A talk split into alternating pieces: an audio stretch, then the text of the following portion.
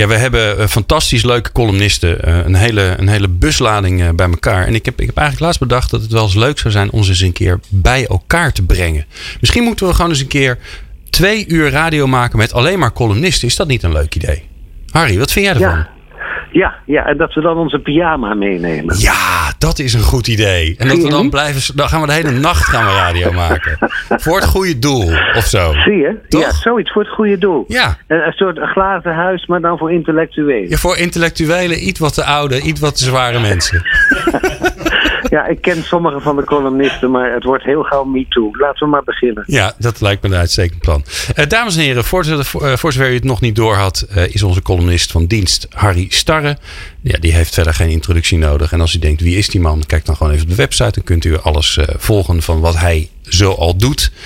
En Harry, ik zou zeggen, ga je gang.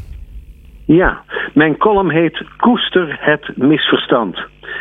Nooit ruzie hebben is in een relatie een slecht teken.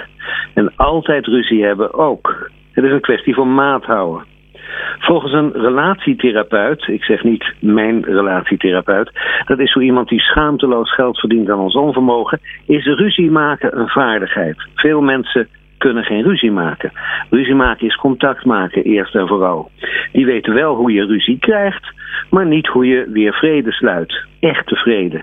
Dat is meer dan een wapenstilstand. Een tijdelijke opschorting van de gewelddadigheden. Een goede vriend sprak over een goed verlopen ruzie. We kregen ruzie in het begin van onze autorit. Hij sprak over zijn vrouw, maar wisten het weer goed te maken toen we onze bestemming bereikt hadden. Ze raken er goed in, in het goed maken van een ruzie. Ze mokken minder en ze praten beter. Hij hield een voortdurend huwelijk inmiddels voor mogelijk. Die autorit had hem dat vertrouwen gegeven. Onze ruzies worden gewoon beter. Bij communicatie zijn het de misverstanden die de verbinding leveren. Paul Watzlawick, de Oostenrijk-Amerikaanse psycholoog, die zei het zo mooi. Communicatie is ons vermogen om zo scherp mogelijk langs elkaar heen te praten. Daarom moeten we in verbinding blijven. We komen er niet uit, we begrijpen elkaar niet en daarom moeten we door. Als we elkaar zouden verstaan, was het spel uit en was de zaak gedaan. En wees eerlijk, wat dan? Zelf heb ik een hekel aan helderheid. Aan communicatieve boodschappen die kristalhelder zijn.